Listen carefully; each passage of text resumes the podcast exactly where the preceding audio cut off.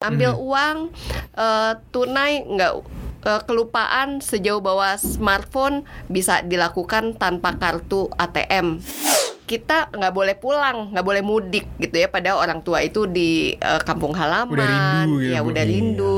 Nah kita juga ada fitur yang kita namakan di kado.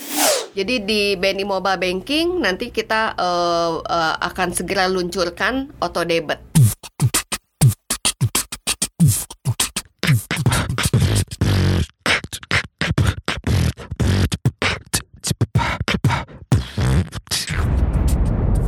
Cuap-cuap cuan. Selamat pagi, selamat siang, selamat sore, selamat malam Sobat Cuan. Halo, kembali lagi di podcast Cuap-Cuap Cuan. Ada gua Gibran Saya Argun. Tentunya kita di podcast Cuap-Cuap Cuan bersama BNI Mobile Banking Jadi tema kita hari ini tuh adalah kirim kado digital Atau kirim kado itu cukup lewat smartphone Jadi bisa dikatakan kirim digital kado itu bisa lewat smartphone Ih seperti apa ya Bisa digital ternyata. kado itu ya Mungkin du- duit kali ya guna Atau apa ya Ya harus kita gali nih lebih jauh lagi. nih. Bener, harus digali lebih jauh karena tentunya kita sudah ada di studio Cop Cop Cuan bersama dengan Ibu Sri Indira, General Manager Divisi E-Banking dari Bank BNI atau Bank Negara Indonesia. Bu Indira, halo apa kabar Bu? Baik, hai coba cuan. Ya, ini Sobat Cuan juga ya tentunya dari uh, BNI. Bu, kalau kita lihat kan selama pandemi COVID-19 itu saat ini tuh mayoritas masyarakat bisa dikatakan uh, untuk mengurangi aktivitasnya di luar itu biasanya melakukan transaksi perbankan khususnya ya itu biasanya lewat mobile banking dan juga aplikasi-aplikasi lainnya begitu ya. Nah, bagaimana sebenarnya pertumbuhan transaksi dari penggunaan mobile banking di Bank BNI khususnya selama pandemi COVID-19 ini? Ya sudah setahun kali ya. Iya ya. Eh, Gibran ya. Jadi kalau kita lihat ke belakang ya, kita tuh udah mengalami eh, pandemi COVID-19 ini kan udah satu tahun lebih ya. Mhm. Jadi waktu di awal-awal eh, kita merasa bahwa eh, wah ini eh, kayaknya semuanya bakal berhenti gitu ya. Eh, orang takut keluar rumah, orang maunya eh, ya kekhawatirannya kan pasti ada gitu ya. Em, tapi eh, ternyata eh, pandemi ini membawa membawa eh, positif eh, side juga ya di eh, eh, apa namanya di bisnis. Jadi eh, semua orang beralih ke digital gitu ya. Eh, termasuk eh, transaksi yang ada di perbankan. Tadinya orang kalau di bank tuh maunya ketemu teller yang cantik-cantik kan. Gitu. Kayak ibu Termasuk mungkin ya- ya ketemu ibu juga termasuk kamu ya rasanya ya. Bisa Eh, membaca pikiran kita gitu. Iya. ya ketemu teller yang cantik-cantik maunya ketemu CS gitu ya tapi eh, pada saat pandemi ini semua nggak mau gitu ya semua eh, apa namanya eh, membatasi ketemu Menghindar. orang jadi beralihlah ke digital di tahun 2020 ini kita eh, lihat dari sisi peningkatan user ya user mobile banking transaksi mobile banking itu luar biasa gitu ya. Jadi kita meningkat sampai eh, 50% bahkan di tahun 2020 jadi eh, walaupun ada pandemi tapi kita melihat bahwa ada positive side kita beralih ke digital. Hmm, seperti itu Argunia beralih ke digital bahkan semua transaksi jauh lebih mudah apalagi kalau pakai BNI mobile banking tentunya. Iya, iya. Iya. Dan ini emang udah terkonfirmasi sebenarnya Bu Indira dan Sobat Cuan dan Gibran. Kalau di Amerika Serikat tuh ada penelitian dari Bankografi.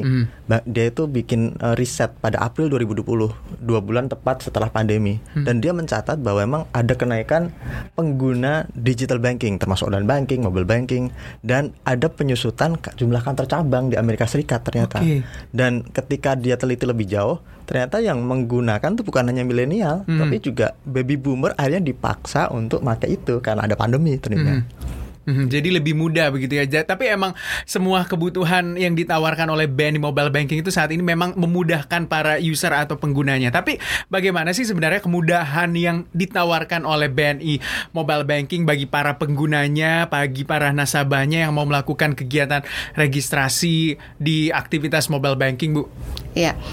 Eh kalau dulu mungkin semua registrasi harus ketemu ketemu CS ya Iya. gitu kan. Emang suka sekalian anak-anak Bu, mu- iya, nggak apa-apa, anak-anak Bu. muda itu suka ngambil kesempatan gitu ya jadi eh, ketemu CS gitu ya customer service tapi eh, sebetulnya kami punya kemampuan di mana registrasi itu bisa la- dilakukan sendiri gitu ya jadi kita ada di eh, di eh, App Store ya di Google Store tinggal download aktivasi eh, eh, apa namanya sejauh nanti nomor handphonenya sudah terdaftar kemudian ada emailnya langsung bisa langsung bisa registrasi sendiri tanpa harus ke cabang gitu jadi eh, nggak usah susah-susah gitu jadi registrasi aja eh, apa namanya langsung ke cabang gitu. Eh, eh, maksudnya ke sendiri lewat Google Google Apps atau eh, eh, lewat App Store Mhm. Tapi kalau milenial ada nggak sih misalnya memang melihat kemudahan di serba era digital itu semakin memudahkan untuk bertransaksi. Wah, ini sebenarnya cocok sama kaum milenial banget Kayak sama kita Sobat banget Cuan. ya. Yoi. Kita kaum rebahan ini paling suka kalau ada layanan-layanan seperti ini. Jadi bisa apply Bu ya. Apply Betul, dari betul. layanan perbankan dengan rebahan Mhm. pakai handphone antar asal ada internet dan itu sudah dilakukan. Mhm. Dan itulah ciri dan gaya hidup milenial gitu. Dia tidak mau ribet uh, mobilitas ke mana-mana. Dia ingin produktif meskipun ada di satu tempat gitu. Bisa Mhm. sambil liburan misalnya gitu. Buka buka uh, apa layanan perbankan. Mhm. Ya ini terobosan dan yang saya pikir juga sekarang jadi tren di industri perbankan tidak hanya di Indonesia tapi di seluruh dunia. Jadi kalau ada bank yang belum menyediakan layanan se- serupa seperti Bank BNI ini, waduh ini mending jadi bank BPR aja kan. iya bang buku eh bang buku satu kali ya. Tapi kalau kita lihat eh, apa ya seperti yang tadi dikatakan oleh Arif Gunawan ya bu, itu kan anak muda milenial itu benar-benar nggak mau terganggu mobilitasnya, nggak mau terganggu aktivitasnya. Pokoknya kalau bisa multitasking, multitasking. Jadi bisa dikatakan fiturnya itu harus benar-benar bisa apa ya merambah milenial, menyenangkan bagi milenial dan juga memenuhi kebutuhan milenial. Fitur apa sih sebenarnya yang ditawarkan oleh BNI Mobile Banking untuk bisa uh, menjawab kebutuhan-kebutuhan para milenial? Iya. Jadi tadi kan kalau kaum milenial tuh kaum rebahan ya. Iya. Semua tuh kayaknya Tapi banyak kalau duit bu, rebahan-rebahan banyak Nah, duit. Produktif. Itu dia, itu dia. Nggak apa-apa. Kaum milenial tetap rebahan. Kita yang udah agak-agak non milenial itu yang bekerja untuk milenial gitu kan, Eh, menyediakan apa namanya solusi-solusi eh, perbankan eh, tentunya. Jadi kalau kita lihat dari eh, apa namanya dari kebutuhan ya, mulai dari bangun tidur, siang, malam gitu ya, sampai tidur lagi, pasti ada kebutuhannya. Yang pertama mungkin makan gitu ya.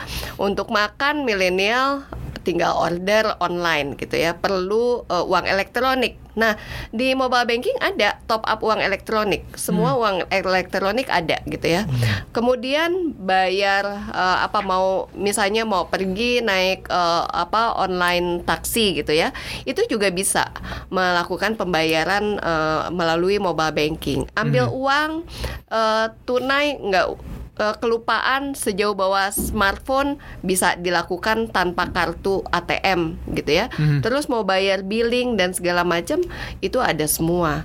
Mau belanja online. Nah, milenial itu Hmm. apalagi yang cewek-cewek ya, selalu belanja online ya Betul. di Shopee lah, Tokopedia segala macam itu bisa bayar langsung langsung lewat lewat eh, BNI Mobile Banking. Jadi semua kebutuhan milenial itu sudah terpenuhi Mhm. dengan BNI Mobile Banking. Hmm, Berarti semua sudah terjawab begitu ya Ar- Arif ya kalau melihat apa yang dikatakan kebutuhan-kebutuhan milenial yang saat ini khususnya untuk akses ke perbankan seperti itu memang mudahnya. Iya, dan ini memang sesuai dengan uh, nature sekarang uh, para pengguna layanan perbankan. Mereka tuh sudah punya smartphone di Indonesia ini yang punya smartphone kan pertumbuhannya ya, ya berapa 70 persenan Benar. gitu, uh, tinggi banget. Dan mereka sangat-sangat lekat dengan gadget gitu. Dan Mhm. ketika ada layanan plus untuk memberikan mereka experience baru dalam bertransaksi misalnya, ya ini memang buat mereka kebutuhan bukan lagi pilihan gitu. Mhm. Kalau pilihan kan ah saya masih bisa ke bank misalnya, tapi kalau menurut dia betul. Gadgetnya udah bisa. Mhm.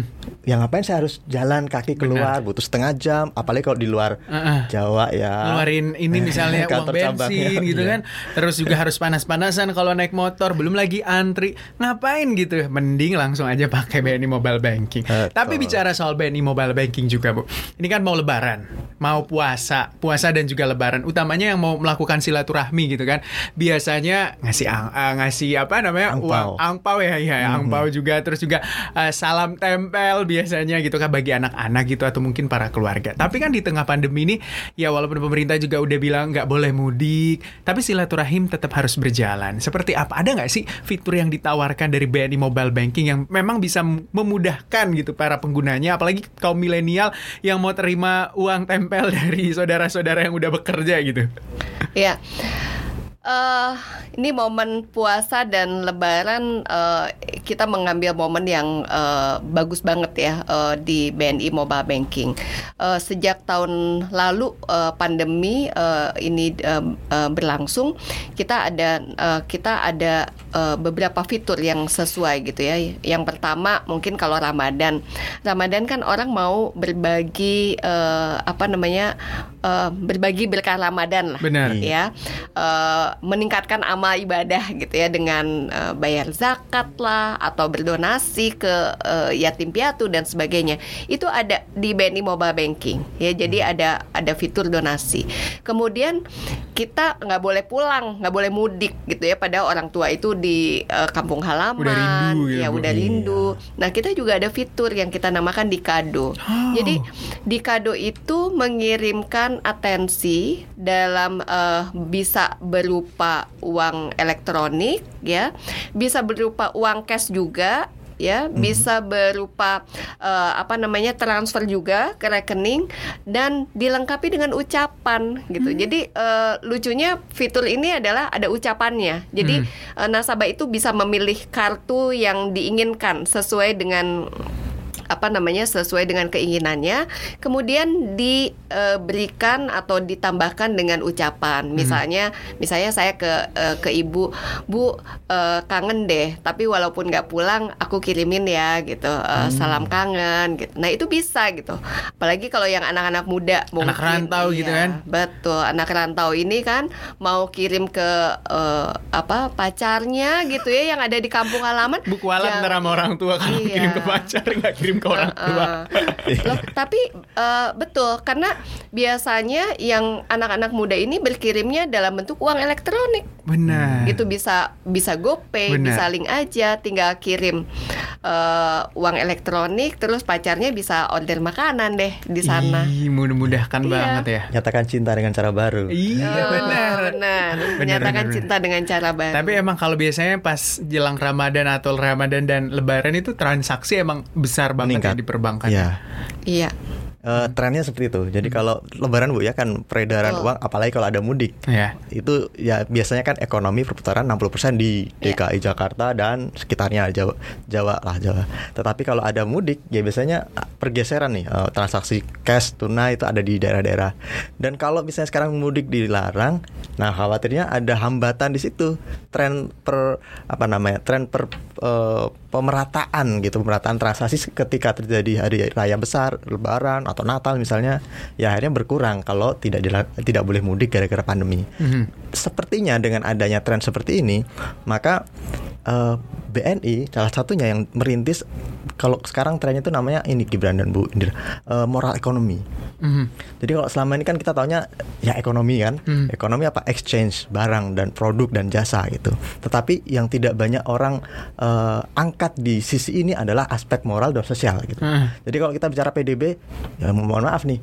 Eh, dulu itu zakat nggak dihitung gitu di PDB, hibah itu nggak dihitung dalam perputaran uang PDB. Tapi baru sekarang-sekarang ini nih pemerintah baru mulai ada kalau kita zakat itu bisa pengurang pajak gitu.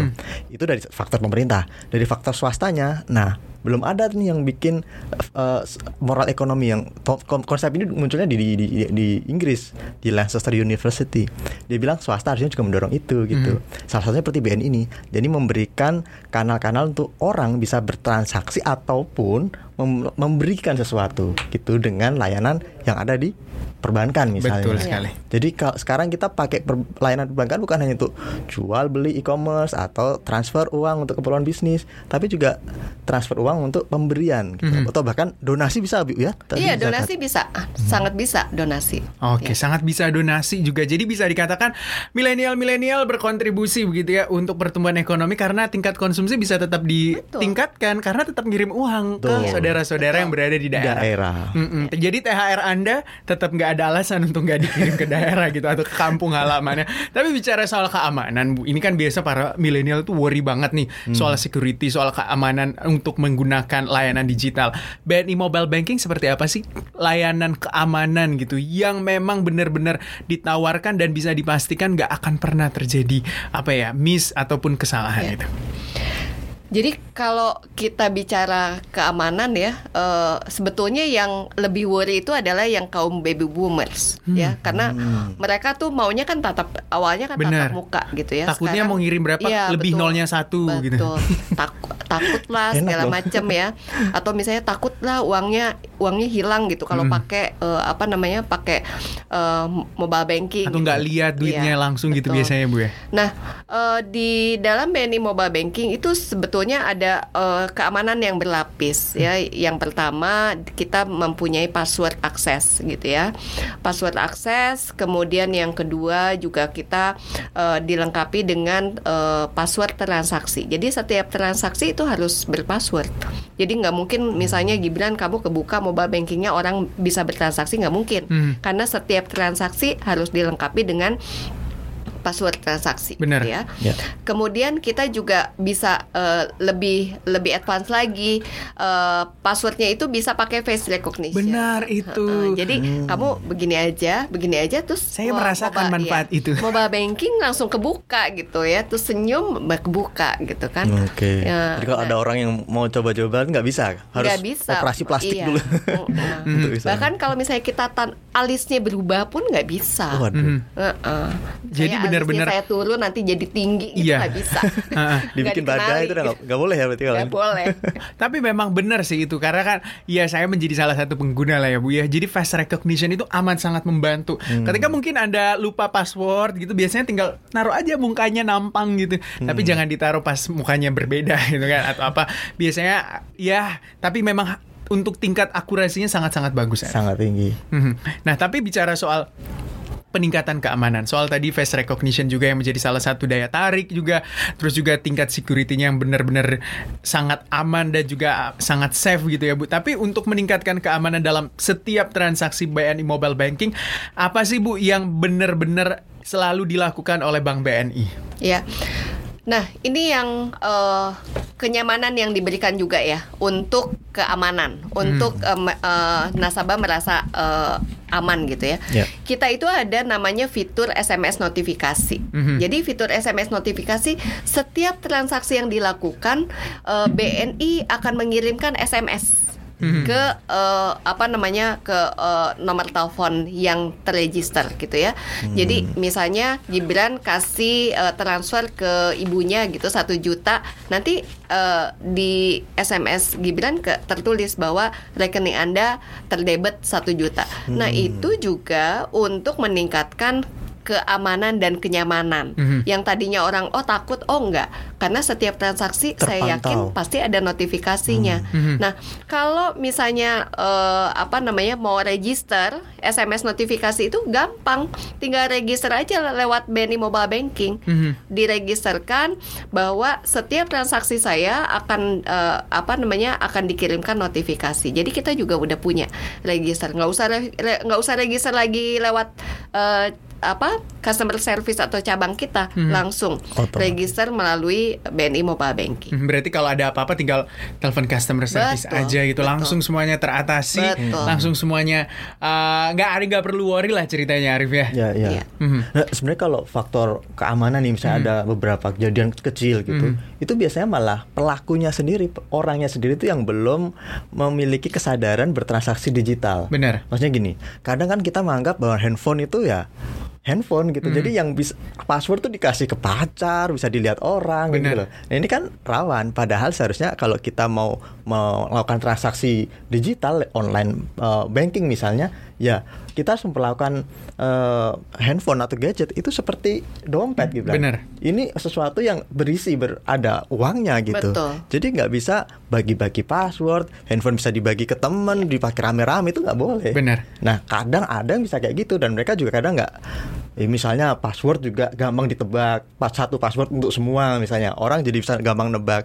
Nah, perilaku seperti ini nih yang bikin eh, apa tren digital banking Indonesia eh, susah untuk berkembang lagi Benar. lebih cepat Nah, gitu. yang paling penting jangan pakai password tanggal lahir Anda gitu kan karena mudah ketebak gitu kan. Pakai angka Ya. susah gitu atau apa gitu. Ah, yang paling penting tadi dari BNI Mobile Banking bisa pakai face recognition. Jadi ya. Ya. sangat aman dan juga sangat safety. Tapi bicara soal BNI Mobile Banking juga, kemudahan apa yang ditawarkan gitu bagi para pengguna, bagi para nasabah, milenial, baby boomer, Gen Z dan gen-gen lainnya itu untuk bisa bertransaksi di mobile banking BNI. Iya.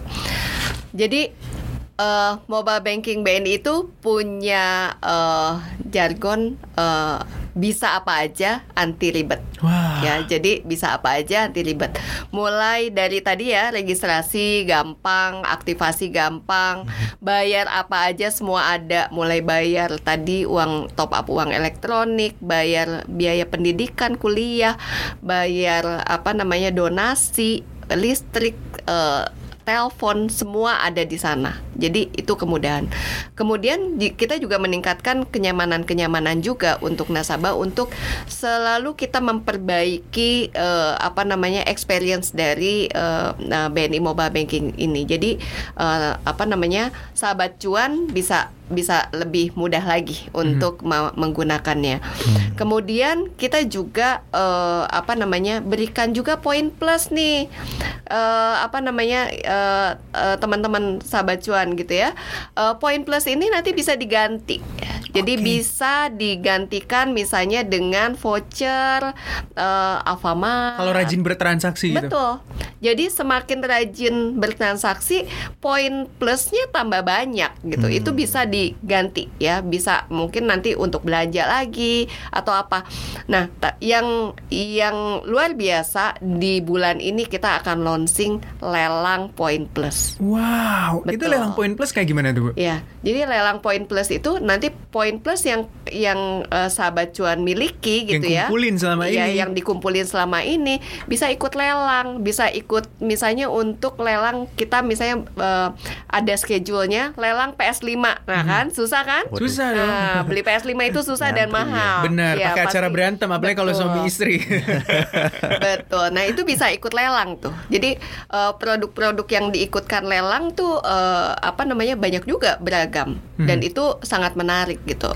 Jadi semakin banyak transaksi, semakin banyak poin plus, semakin semakin seru. Benar. Eh, Jadi ada imbal hasilnya gitu, imbal baliknya Anda Betul. bertransaksi bukan cuma uang Anda keluar, tapi Anda dapat poin juga Iya. gitu kan mau apa pun, mau transaksi ngisi ulang uh, e-money Anda atau apa pun itu gitu kan di BNI Mobile Banking. Mau transfer boleh, mau bayar kartu kredit boleh, bayar tagihan listrik juga boleh. Tapi kalau untuk ke depannya nih ya, seperti apa sih Bu roadmap dari BNI Mobile Banking? Ya, tadi ya yang saya sampaikan kita tuh pasti akan meningkatkan kenyamanan ke eh, keamanan eh, dari eh, nasabah.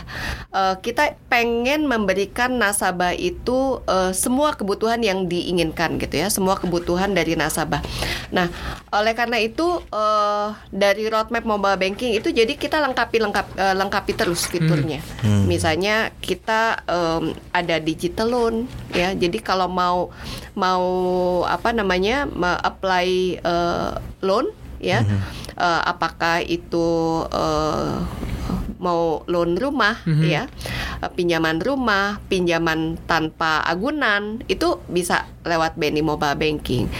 Kemudian anak-anak muda nih milenial yang usaha-usaha gitu ya, yang usaha online bisnis lah dari rumah segala macam, mau bikin apa invoice itu kita akan akan eh, luncurkan juga untuk UMKM UMKM ini eh, eh, digital invoice. Dan semua kelengkapan kelengkapan ini pasti akan kita lengkapi terus.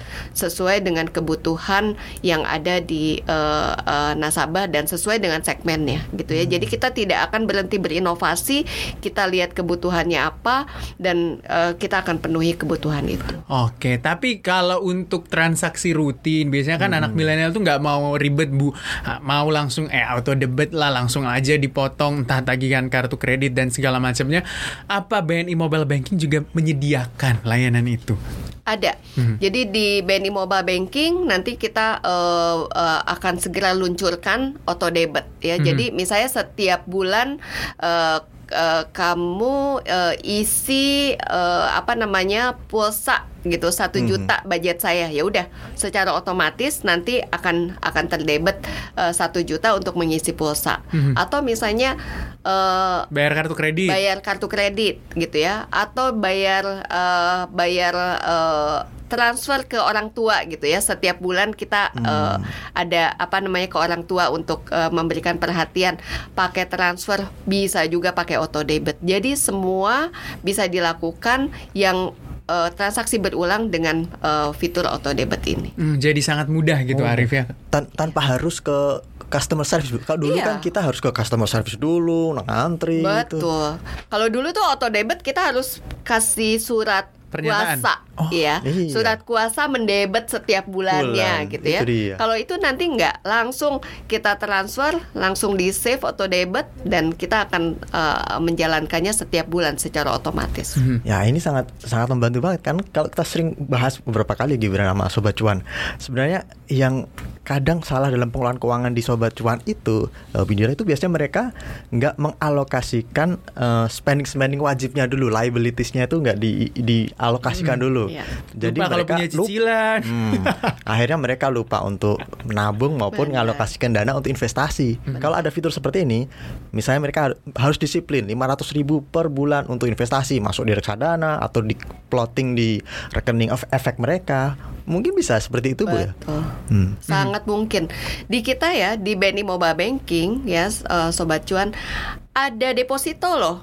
Jadi deposito juga nggak usah ke cabang, Oke. langsung eh, deposito eh, apply deposito lewat BNI Mobile Banking. Mhm. Berarti semuanya bisa ya, mulai dari Semuanya loan, bisa. terus misalnya juga untuk bayar kartu kredit, terus misalnya Investasi juga tadi. untuk investasi juga Iya. bisa gitu kan, dan segala macamnya. Kalau bagi milenial itu semuanya sangat memudahkan Arif. Iya. Tinggal rebahan ya. Benar.